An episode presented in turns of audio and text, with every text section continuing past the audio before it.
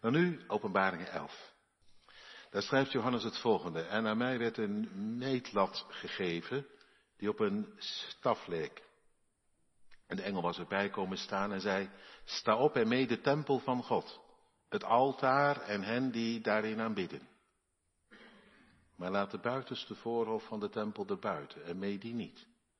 Want die is aan de heidenen gegeven en zij zullen de heilige, de heilige stad vertrappen. 42 maanden lang. En ik zal mijn twee getuigen macht geven en zij zullen in rouwkleding gekleed 1260 dagen lang profiteren. Zij zijn de twee olijfbomen en de twee kandelaren die voor de God van de aarde staan. En als iemand hun schade wil toebrengen, komt er vuur uit hun mond en dat verslindt hun vijanden. En als iemand hun schade wil toebrengen, moet hij op dezelfde manier worden gedood. Ze hebben de macht de hemel te sluiten, zodat er geen regen zal vallen in de dagen dat ze profeteren. En ze hebben de macht over de wateren om die in bloed te veranderen. En de aarde te treffen met allerlei plagen, zo vaak ze dat willen. En wanneer zij hun getuigenis volbracht hebben, zal het beest dat uit de afgrond opkomt, oorlog met hen voeren. En het zal hen overwinnen en hen doden. En hun dode lichamen zullen liggen op de straat van de grote stad, die in geestelijke zin genoemd wordt Sodom en Egypte, waar ook onze Here werd gekruisigd. En de mensen uit de volken, stammen, talen en naties zullen hun dode lichamen drieënhalve dag zien en zullen niet toelaten dat hun dode lichamen in het graf worden gelegd. En zij die op de aarde wonen zullen zich over hen verblijden en zullen feest gaan vieren en elkaar geschenken sturen, omdat deze twee profeten, hen die op de aarde wonen, zo gekweld hadden. En na die drieënhalve dag kwam er een levensgeest uit God in hen. En ze gingen op hun voeten staan. En grote vrees overviel hen die hen zagen. En ze hoorden een luide stem uit de hemel tegen hen zeggen, kom hier omhoog. En ze gingen omhoog naar de hemel, in de wolk, en hun vijanden keken hen na. En op datzelfde uur vond er een grote aardbeving plaats en het tiende deel van de uh, stad stortte in. En bij die aardbeving werden 7000 met name bekende personen gedood. En de overigen werden zeer bevreesd en gaven eer aan de God van de hemel. De tweede wee is voorbij gegaan. Zie, de derde week komt spoedig. En de zevende engel blies op de bazuin. En er klonken luide stemmen in de hemel die zeiden, de koninkrijken van de wereld zijn van onze Here en van zijn Christus geworden. En hij zal koning zijn in alle eeuwigheid. En de 24 oudsten die voor God op hun troon zitten, wierpen zich met hun gezicht ter aarde en aanbaden God en zeiden, wij danken u, Heere God, de Almachtige, die is en die was en die komt, omdat u uw grote kracht ter hand hebt genomen en koning bent geworden. En de volken zijn toornig geworden en uw toorn is gekomen en daarmee ook het tijdstip voor de doden om geoordeeld te worden en om het loon te geven aan uw dienstknechten, de profeten en aan de heiligen en aan hen die uw naam vrezen kleinen en de groten, en om hen te vernietigen die de aarde vernietigden. En de tempel van God in de hemel werd geopend, en de ark van zijn verbond werd zichtbaar in zijn tempel. En er kwamen bliksemstralen, stemmen, donderslagen, een aardbeving en grote hagel. Tot zover.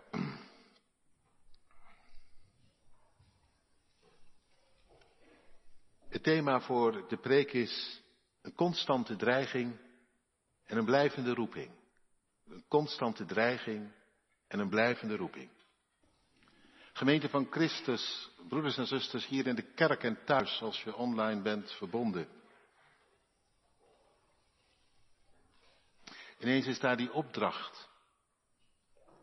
Mij werd een meetlat gegeven, gewoon in de hand gedrukt. Opmeten. Zo klinkt het bevel van hogerhand.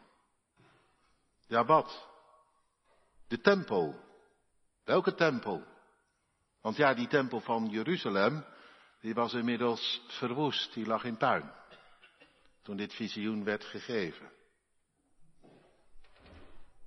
En trouwens, Johannes, die verkeert daar op het eiland Patmos, hè? Nou, het laat zich raden. Het is een visioen, een gebeuren en wat hij precies gezien heeft, weet ik niet. Maar één ding is wel helder. Bij die tempel gaat het om veel meer dan de tempel in Jeruzalem. Het gaat om het huis van de levende God.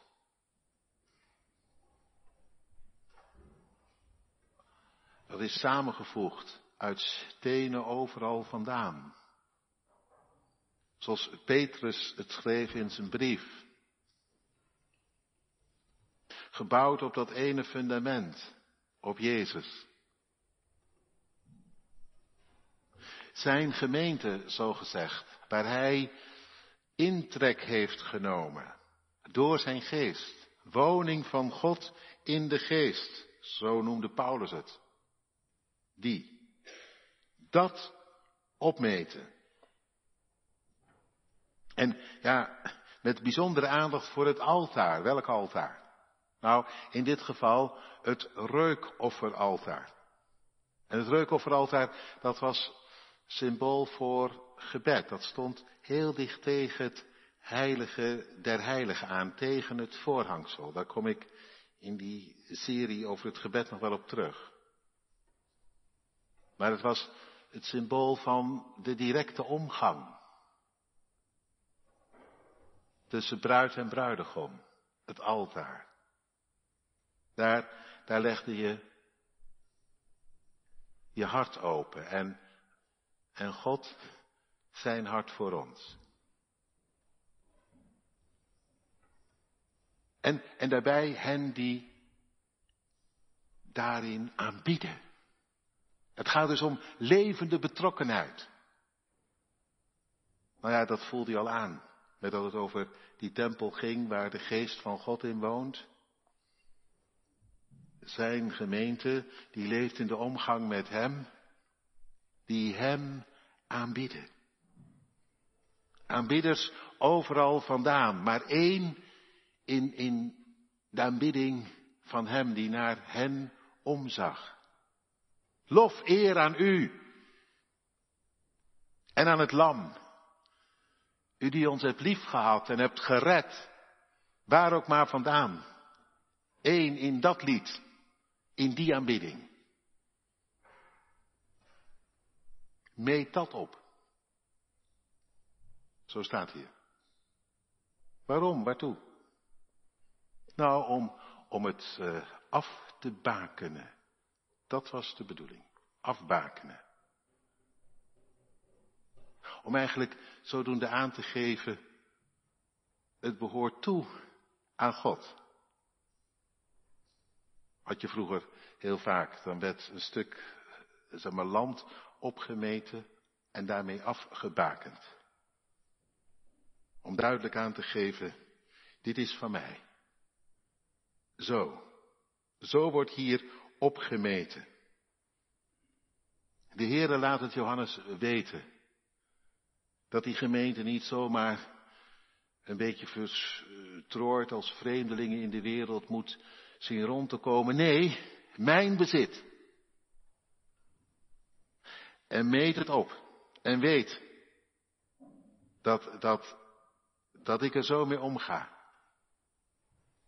Dat het mij toebehoort en dat iedereen daar met zijn vingers af zal blijven.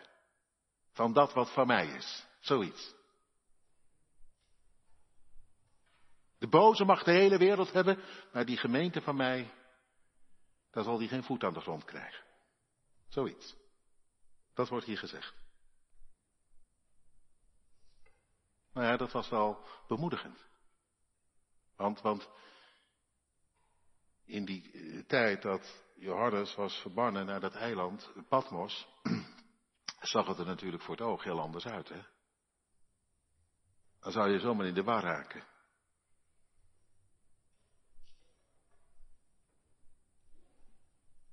Die gemeente. En het was nog allemaal nog maar net begonnen. Het was ook allemaal nog pril en zo. Maar, maar die werd eigenlijk al uit elkaar geslagen. De voorganger vastgezet, daar op dat eiland, de mond gesnoerd. En Domitianus had uh, geen beste plannen. Integendeel. Eigenlijk was je erop uit dat die gemeente zo snel en zo effectief als het en maar kon van de aardbodem zou worden weggevaagd. Dat dat gewoon passé zou zijn in zijn rijk. Dat hoorde er niet bij. Alles mocht daar, je mocht alles geloven in het Romeinse Rijk. Daar stond het zelfs om bekend. En het heette Pax Romana. Leven en laten leven. Vrede voor iedereen. Behalve dat stelletje christenen. Dat waren van die rare lui. Die kon hij niet gebruiken.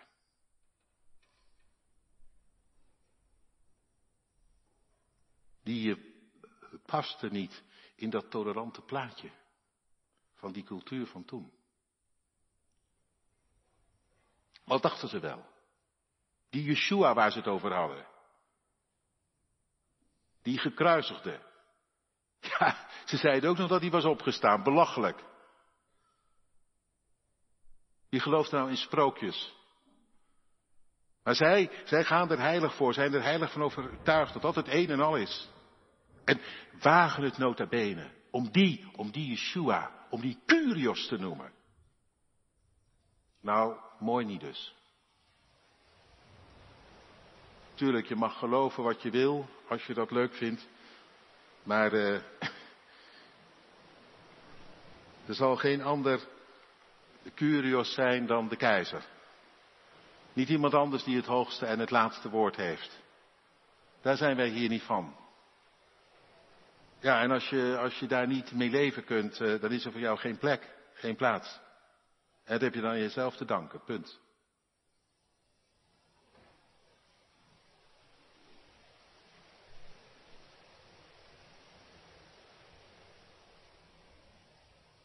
Vandaar dus dat er korte metten mee moest worden gemaakt. En daar was die druk mee in de weer. Naar die christenen toe, ondanks alle tolerantie, onverdraagzaam tot en met. Het doet onwillekeurig ook een beetje denken, nou ja, een beetje, misschien wel een heel beetje, aan vandaag, of niet?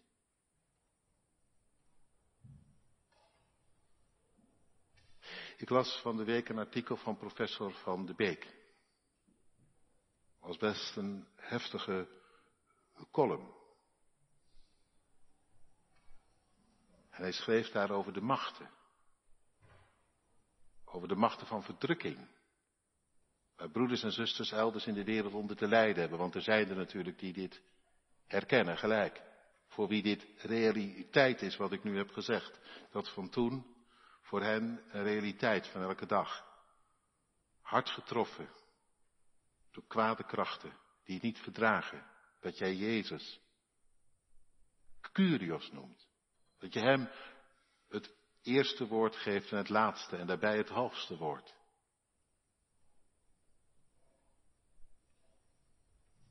Ze zijn er hè, vandaag, die daar zwaar onder te lijden hebben. Trouwens ook heel dichtbij, wist u dat? Is hier een Koerdische gemeente. Een tijdje geleden op bezoek geweest. Hebben veel te lijden van hun eigen volksgenoten hier op Zuid. Het is gewoon een kerk in de verdrukking. Het zit gewoon om de hoek. Die zouden het liefst willen dat dat niet meer bestond. Gaat er soms met veel geweld aan toe. De vorige de voorganger en zijn vrouw hebben meer dan eens gevreesd voor het leven van hun kinderen. Hier om de hoek. Zo dichtbij is het.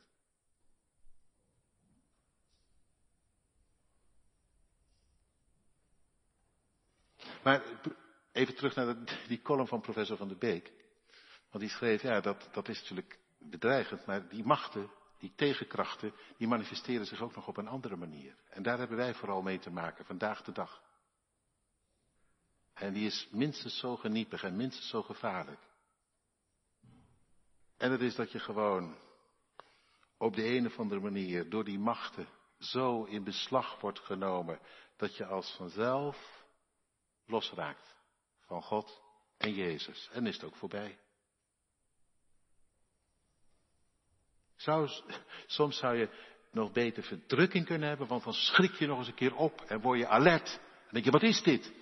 Maar dat andere, word je slaapgesust of meegenomen met mooie dromen. Er wordt ingespeeld op jouw verlangens en op jouw begeerten. Daar is de wereld vol van, van mooier, beter, groter, luxer, vrijer ook. Nou ja, je herkent het niet. De aantrekkingskracht. Dat ik net liet zien aan die kinderen.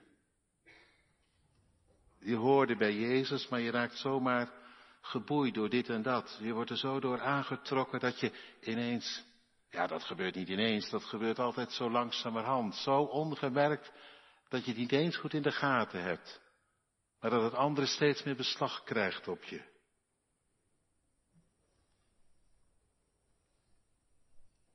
En Van de Beek die zei, dat is wel het ergste wat je hebben kunt, eigenlijk.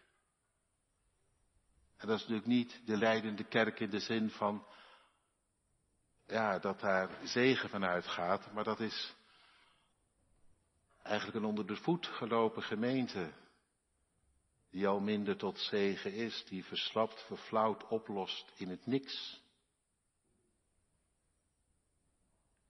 En volgens mij hebben wij daar heel erg mee te maken. En iedereen voelt ergens soms tot in zijn eigen ziel hoe dichtbij dat kan zijn, of niet? En als je denkt aan je kinderen, aan je kleinkinderen, over vijftig jaar hier in de Maranatha, gewoon een bloeiende gemeente, nou, wel een hoop geloof voor nodig hoor.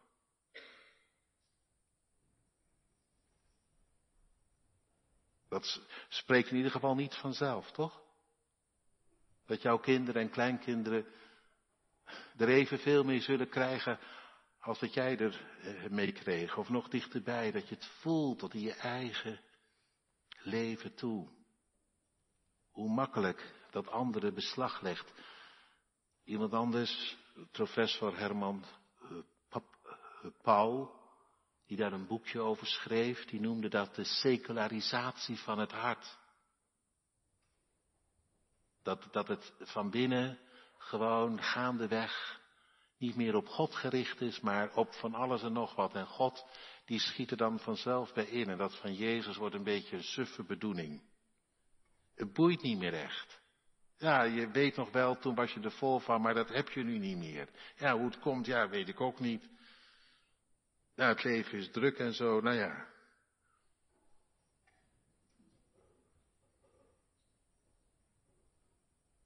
De machten dringen zich op. En de stem van God dringt al minder door. Nee, het levert niet veel op. Dat is het rare. Het geeft veel onvrede, veel onzekerheid, verloedering ook, verwarring. Wat, wat, wat worden we nou wijzer van? En toch, we komen er soms zomaar niet meer van los. En we raken er al meer van in de greep. Van die machten bedoel ik dan. En, en die gemeente, wat schiet daarvan over? Kerken lopen leeg en kerkgebouwen worden afgebroken. Je ziet het gewoon voor je ogen gebeuren. Hoe de machten ons overlopen. Terwijl wij in beslag zijn genomen. Overmeesterd. Zonder dat we er erg in hadden. Sta op! Ja, dat is mooi. Dat is mooi. Sta op en meet. Daar middenin. Al lijkt de levende Christus voor het oog terrein te verliezen, toen, nu. Volgens dit visioen geeft hij tegelijk geen centimeter prijs. Meet op. De tempel, altaar en die hem aanbidden. Alles wat betrokken geraakt is op God. En leeft vanuit de omgang met, op, vanuit de omgang met Hem. Meet het op. Hij bakent het af. En dat mag je vanmiddag ook even gewoon heel erg, ja, naar nu toe halen, denk ik. Gewoon naar ons hier. Opgemeten worden we door de hemel. Met dat we ons hart kwijtraakten aan Hem. En mogen weten, ik ben niet langer van mezelf, maar Zijn eigendom. Tuurlijk met vallen opstaan, maar toch. Dat reukaltaar, ja, dat staat toch wel in het, het centrum, de omgang met Hem, daar leef ik van. Dat mag ik toch hopen, dat u nu zegt, ja, ja, aanbidding vanwege Zijn opzoekende liefde en vasthoudende trouw. Ja, ook dat. Nou, weet dan dit. Hoe de machten om ons heen ook in de weer zijn. Om Gods gemeente onder de voeten lopen. Opgemeten ben je. Hij legt beschuttend, beschermend zijn handen om ons heen. En met dat we worden opgemeten, wordt ons toegezegd, niemand zal jou uit mijn hand drukken. En de duivel, hij zal je niet te pakken krijgen. Dat is wel een belofte, vind je niet? Een prachtige belofte. Daar middenin. Moeten we er ook wel van hebben trouwens, hè? Dat hij gewoon midden in die werkelijkheid waarin wij leven, dat hij dan zo, op zo'n radicale manier opmeet en laat weten. Je bent van mij. En dat hij het afbakent. Hij zegt, de vijand zal jou niet hebben. En diezelfde Johannes die hier die dat visioen ontving, die had eerder geschreven in, in zijn brief. Had hij het over de antichrist en over die andere kracht. Toen had hij geschreven, hij die in ons is. De geest is meer, is krachtiger dan die in de wereld is. Gelukkig maar. En dat is een geweldige belofte, lieve mensen, voor ons allemaal. En, en, en laat je er vanmiddag door bemoedigen. Ook als je denkt aan je eigen ja, gezin, aan degenen die je lief zijn. Misschien ben je, ben je in het leven, kan het nog ingewikkelder soms zijn. Hè? Je zou zo graag soms dan samen met anderen, nou heel goed, als je dan goede vrienden hebt en broeders en zusters in de Heer. En dat we elkaar dan erbij houden. Maar in ieder geval, een prachtige belofte. Ik, ik kan me nog herinneren, ik zeg het ook even tegen de jongeren nu. Ik was denk ik een jaar of 18, 19, ik studeerde net theologie. Ik was al bekeerd, zo gezegd. Maar ik werd zo aangevallen, zo aangevallen. Door de duivel, door die andere machten, die stemmen van vertwijfeling. Waar is die dan, God? En hoe zit dat dan?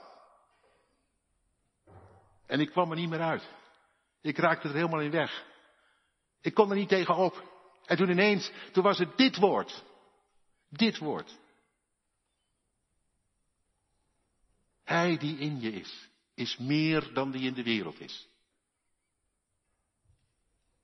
En toen was de vertwijfeling niet gelijk over, maar één ding wist ik wel. De duivel zal me niet hebben. Never nooit. Prachtig. En ja, daarom sta ik hier. Het toen, had ik toen overlopen kunnen worden. Want ik, je, je, je, je wordt niet bewaard in het geloof omdat je zelf uh, zo'n krachtpatser uh, bent, maar omdat hij trouw is. En niet opgeeft en niet loslaat. Sta op en meet. Vol van belofte is dat.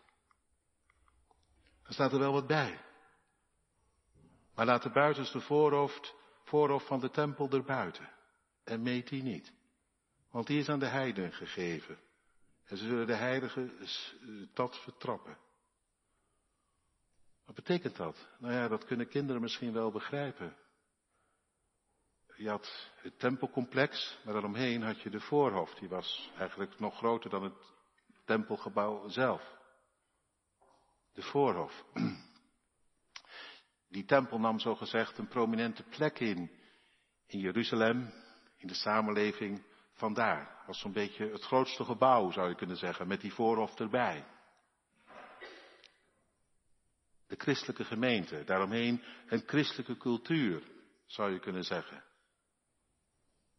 In die zin herkennen we dat ook wel. Hier in het, het Westen, de kerk die een prominente plek heeft gehad in de, in de samenleving. Veel prominenter nog dan toen in het, in het Nieuwe Testament.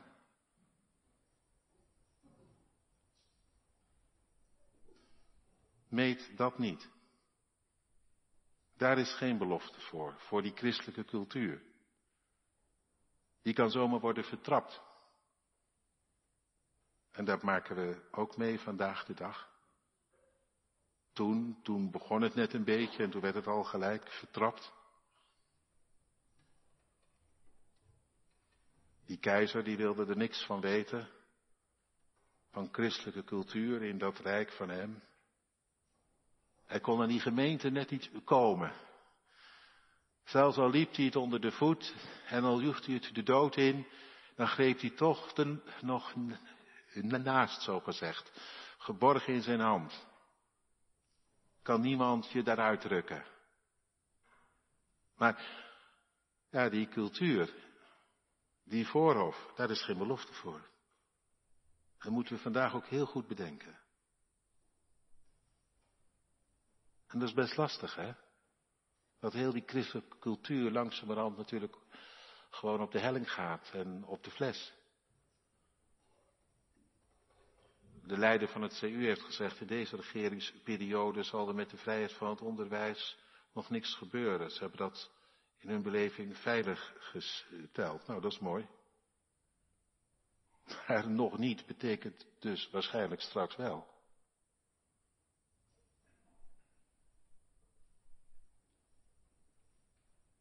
Dat je gewoon niet meer de ruimte hebt om op volgens eigen principes onderwijs te geven. Dat je gedwongen wordt hoe langer hoe meer. Volgens seculier model onderwijs te geven. En anders krijg je geen subsidie meer. Wel ja, dat is dan je eigen schuld. Dan gaat je principe misschien iets kosten of zo. Ik weet het allemaal niet, maar zoiets. Om het maar even heel concreet te maken. Dan begrijpt u een beetje waar het over gaat misschien. En we zien het natuurlijk gebeuren, hè. Gewoon dat die hele christelijke cultuur, dat die aan het afbrokkelen is. Vertrapt zal die worden, staat hier, ja. Dat merk je soms ook. Zoveel agressie.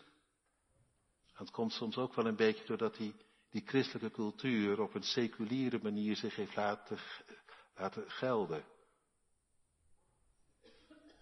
Ga ik nou niet te lang op in, dat is een heel politiek verhaal zou dat dan worden, dat moet maar niet, moet maar niet doen. Maar de christenen hebben soms ook wel seculiere, soms van alles en nog wat opgelegd, waar die niet op zaten te wachten. Nu krijgen ze het terug op hun brood. Vertrappen. Nu, nu, nu, de, uh, de verhoudingen zijn veranderd. En wij steeds meer in de minderheid terechtgekomen zijn. Weg met die cultuur. Die herinnert aan God, aan zijn gebod. Aan al die begrenzingen, althans zo wordt dat beleefd. Vrijheid, alsjeblieft. Vrijheid om te doen en te laten. Op seksueel gebied, op moreel gebied. Ja, als je dan bijvoorbeeld hoort, gewoon een voorbeeld, abortus zelfs die vijf dagen bedenktijd. Een groot deel van de Kamer wordt op zijn achters te benes eh, taat om dat recht, dat dat niet meer hoeft. En al gaat het dan om het leven zelf, bene, het leven in de moederschoot. Het eigen gelijk is belangrijker dan de bescherming van dat leven. Het gaat er hard aan toe. Vertrappen. Alles wat herinnert aan dat van God, aan wat ons tegenhield om te doen wat we zelf wensen en willen. Nee, niet dat dat beter is, eerlijk gezegd. Het lijkt toch nergens naar. Maar we noemen het dan ontwikkeling, vooruitgang, vrijheid. Om te doden wat zichzelf niet kan beschermen. Het is de dwaasheid gekroond, maar intussen het gebeurt. Je staat, je staat erbij en kijkt ernaar. Het een na het ander valt om. Laat de voorhof er buiten.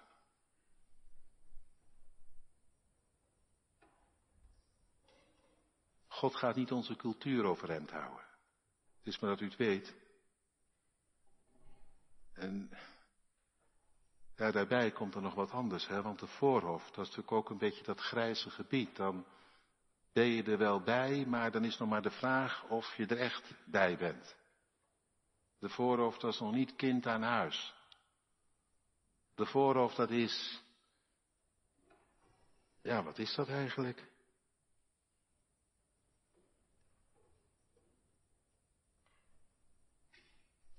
Dat is dat je er misschien wel wat aan doet, het nog niet zomaar van de hand wijst, maar dat je je hart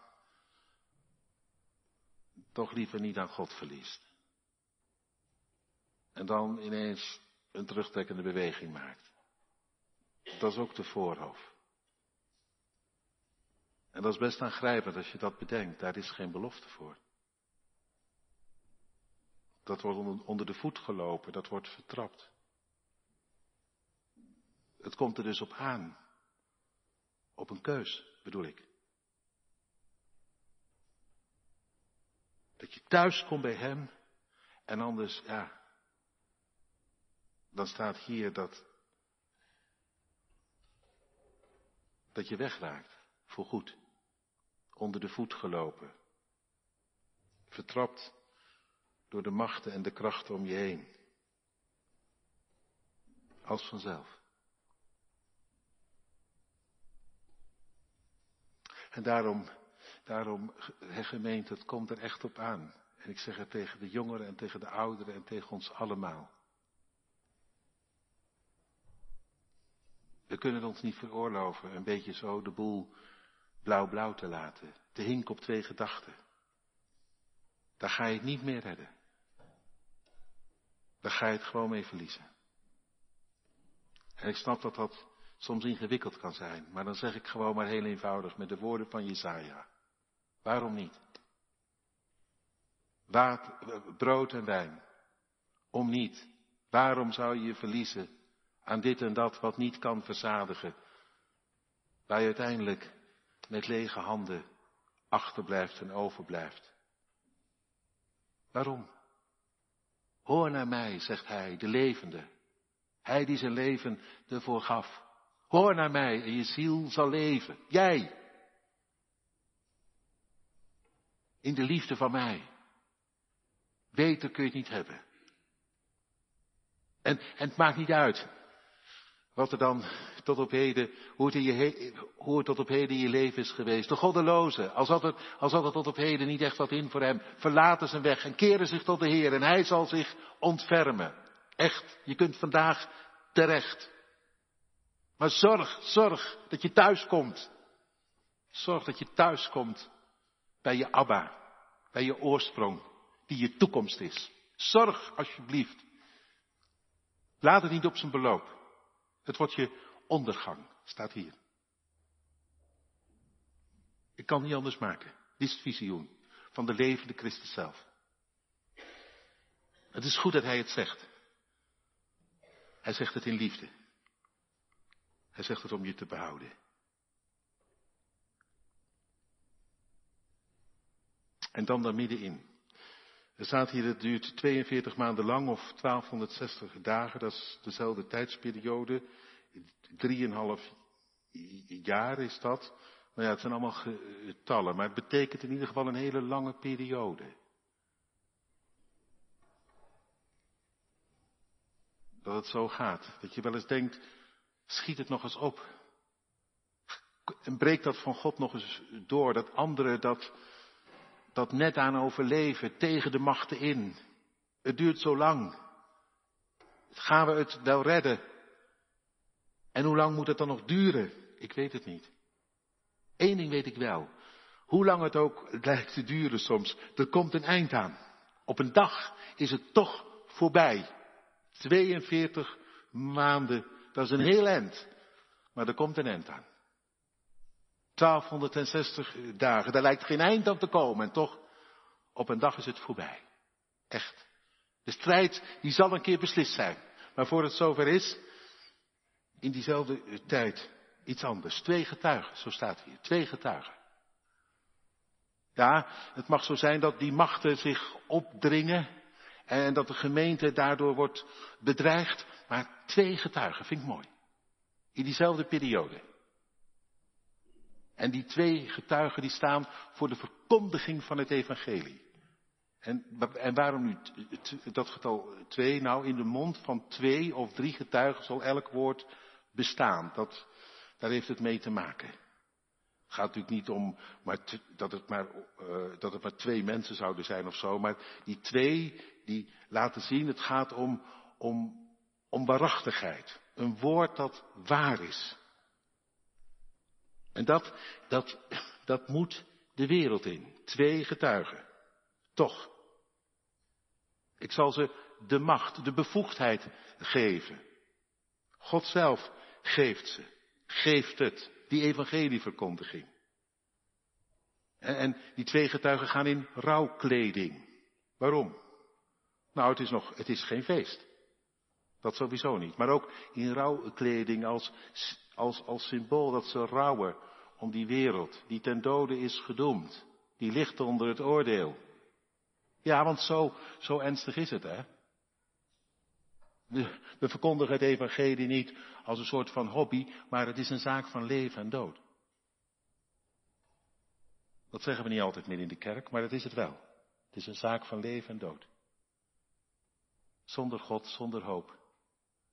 Zou u weten hoe, hoe je gered moet worden? Ik vroeg het net aan die kinderen. Die kinderen wisten het ook niet. En ik weet het ook niet.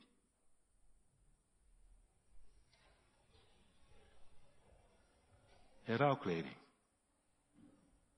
De wereld is verloren, ten dode gedoemd. Geoordeeld is de wereld in principe, tenzij ze wordt gered. Twee getuigen, de evangelieverkondiging. En dan staat er twee olijfbomen, twee kandelaren. Dat is wel weer apart. Dat wijst op een visioen uit Zacharia. En, en dat heeft te maken met de geest. Olie en kandelaren. Het licht wat door de olie wordt ontstoken. Niet door kracht, niet door geweld, maar door mijn geest. Zal het geschieden. Zo staan die getuigen in de wereld. Kwetsbaar en krachtig in de Heer. Ja, krachtig tot en met. Want dan komen er hier een paar tekenen voorbij. En je dacht, wat is dat? Nou, dat doet denken aan Mozes en Elia. Elia, op zijn gebed regende het niet. En daardoor ging zelfs eh, het volk van Israël, dat zo hardnekkig was als wat, toen om. Nou ja, om. Ze zagen in ieder geval dat het ergens over ging. Dat er maar één de levende was. De Heere. De Heer is God. Dat werd zichtbaar door die ene man, Elia, tegen al die machten van toen in, van Agap en Izebel. En Mozes, hij veranderde water in bloed. En de farao, de macht van toen, die moest zich gewonnen geven op den duur. Die Mozes, wat was dat voor een man? Hij hakkelde ook nog een beetje, zo staat er. En toch, in de kracht van God, hij won het van die farao. Twee getuigen, de evangelieverkondiging. Lieve mensen, daartoe zijn u en ik geroepen, weet u dat? In de wereld van nu. Niet alleen om te klagen en te zuchten over de afbraak. U en ik. De macht gegeven, de bevoegdheid, de opdracht ook. Hier op Zuid. Echt. En ik dacht er van de week aan. Ik dacht, nu komt het erop aan, hè, voor ons. Het kwam, het kwam er natuurlijk al veel eerder op aan. En, en u hebt ook het nodige gedaan. Ik ga u ook nog even iets vertellen. Ik ben een paar weken geleden ontzettend verrast. Hier is in 2010 in de kerk, in de Maranatha uh, kerk, een soort opwekking geweest. Heb ik begrepen, heb ik nooit, heb ik nooit geweten. Heeft mij nooit iemand verteld. Maar ik kreeg een verslag van, van Licht op Zuid, hoe dat is begonnen.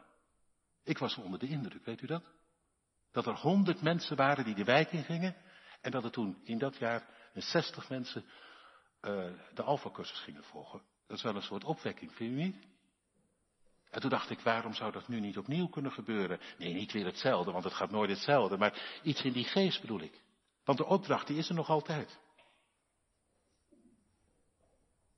Opdracht gegeven, bevoegdheid, macht. Ja, maar waar beginnen wij? Nou, net zoveel als die Mozes en Elia toen in die dagen, in de kracht van hem, eens kijken wat hij kan doen. Of geloof u daar niet meer in? Dat zal toch niet waar wezen, hè, dat u daar niet meer in gelooft? Ja, dan, dan is het ook verloren. Dan weet ik het ook niet meer. Dan geven we de wereld om ons heen gewoon prijs. En ik weet ook nog niet precies hoe het allemaal moet. Ik weet het echt niet gelijk hoor. Ik heb niet gelijk een heel programma. Maar ik heb wel een opdracht en een belofte. En daar gaan we het op de gemeenteavond ook nog over hebben met elkaar. Ga ik u vast beloven. En, en, en als u nou vast begint te bidden, hier, u die hier in de kerk zit en thuis online verbonden, heren, hoe moet dat nou met ons? Hier op Zuid. Laten we dat gewoon maar doen. We hoeven nu niet gelijk een plan te hebben, een plan van aanpak. Begint toch bij, net als bij die Mozes en Elia, gewoon je overgeven aan Hem en vooral van Hem veel verwachten.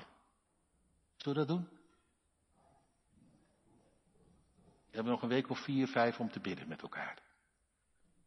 Heren, help ons. Maak ons creatief. Maak ons bewogen. Geef dat we het serieus nemen, dat van u.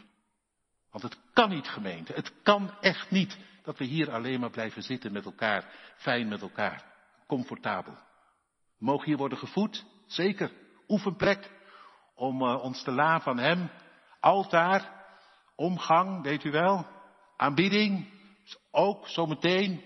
Zing in. Geweldig. Allemaal. Hoort er allemaal bij. Maar, maar dat niet alleen. Het kan niet. Het kan echt niet. En niet omdat ik het bedenk. Maar omdat het hier wordt gezegd, in dit visioen. En ik, ik bedacht nog even van de week, uh, vorig jaar met de kerst had ik zo'n uh, Feyenoord shirt aangetrokken. En iedereen vond dat leuk en was enthousiast. En zei, nou dat was, uh, dat vergeten we nooit meer dominee. Maar ja, dat schiet natuurlijk niet op alleen, hè, zo'n zo'n Feyenoord shirt aandoen op kerst. Dat is wel leuk, maar dat schiet natuurlijk niet op.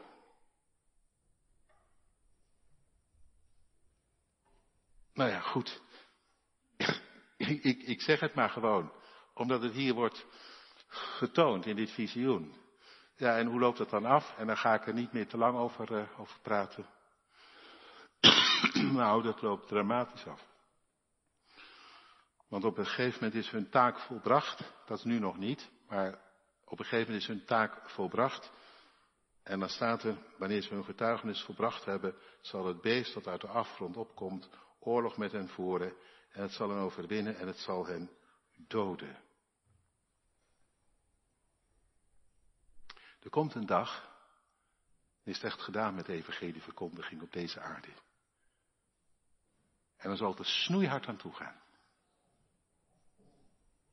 Dan is het met dat getuigenis voorbij. Zo voorbij dat het wordt als Sodom en Egypte. Ook hier op Zuid. En zoals ze de Heeren gekruisigd hebben, zo staat er, zo zal dan zijn lichaam worden gekruisigd. En de dode lichamen van die getuigen zullen op de straat blijven liggen. Alleen maar, het zal alleen maar uh, met verachting worden afgedankt, dat betekent het. Dat van God, dat, het, dat van het evangelie, er komt een moment, en dat zit dan helemaal aan het eind, in het laatste van de tijden. En ik krijg dat niet helemaal uitgerekend en dat ga ik ook niet voor u doen. Maar er komt een moment, dan is het echt gedaan. En dan wordt het evangelie de mond gesnoerd en de getuigen, hun lijken liggen in de straten, niet eens de moeite waard om er verder nog aandacht aan te besteden, om het, om, om, om, om het te begraven, ten graven te dragen.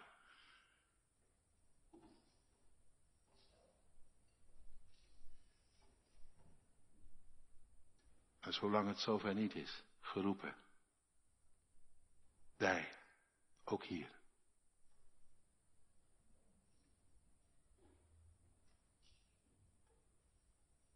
En we nemen hem serieus, we geven, hem, we geven het hem voor het zeggen, of we lappen het aan onze laars. Eén van de twee, u mag het zeggen.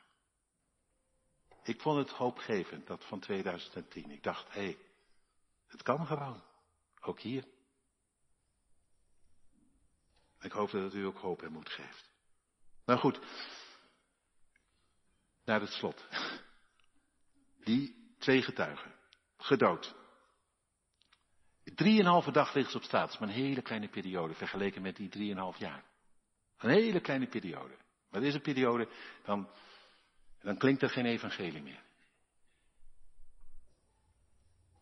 dan heerst, al, dan heerst alleen dat andere nog. Dan denk je, nu is het uit, over en klaar. Met God en met zijn zaak. En dan ineens, tot grote schrik van heel die wereld, die intussen haar feestje aan het vieren was, geschenken stuurde naar elkaar. Ziezo, die handel is opgeruimd, daar zijn we vanaf. Dan ineens, dan staan die twee getuigen op. Dan staat het toch op, dat van God. En dan klinkt er een stem, kom, op, omhoog. Toch de overwinning. Gedood. Maar meer dan overwinnaars in hem. Die ons heeft lief gehad. En dan, ja, dan eindigt het met die laatste bazuin. En dat wordt één groot loflied. En het dondert en bliksem van de, het dondert en bliksemt van de hemel. Gericht aan alle kanten, maar daar middenin overwinning. Voor dat wat hier verloren leek. Overwinning voor jou, voor u, voor mij. Met dat we ons gewonnen gaven aan Hem. De toekomst. De toekomst is aan Hem en in Hem. Aan ons. Nou, alle reden lijkt mij. Om ons dan maar vandaag gewoon met alles wat in ons is. Met vallen en opstaan ook, maar toch. Aan Hem over te geven.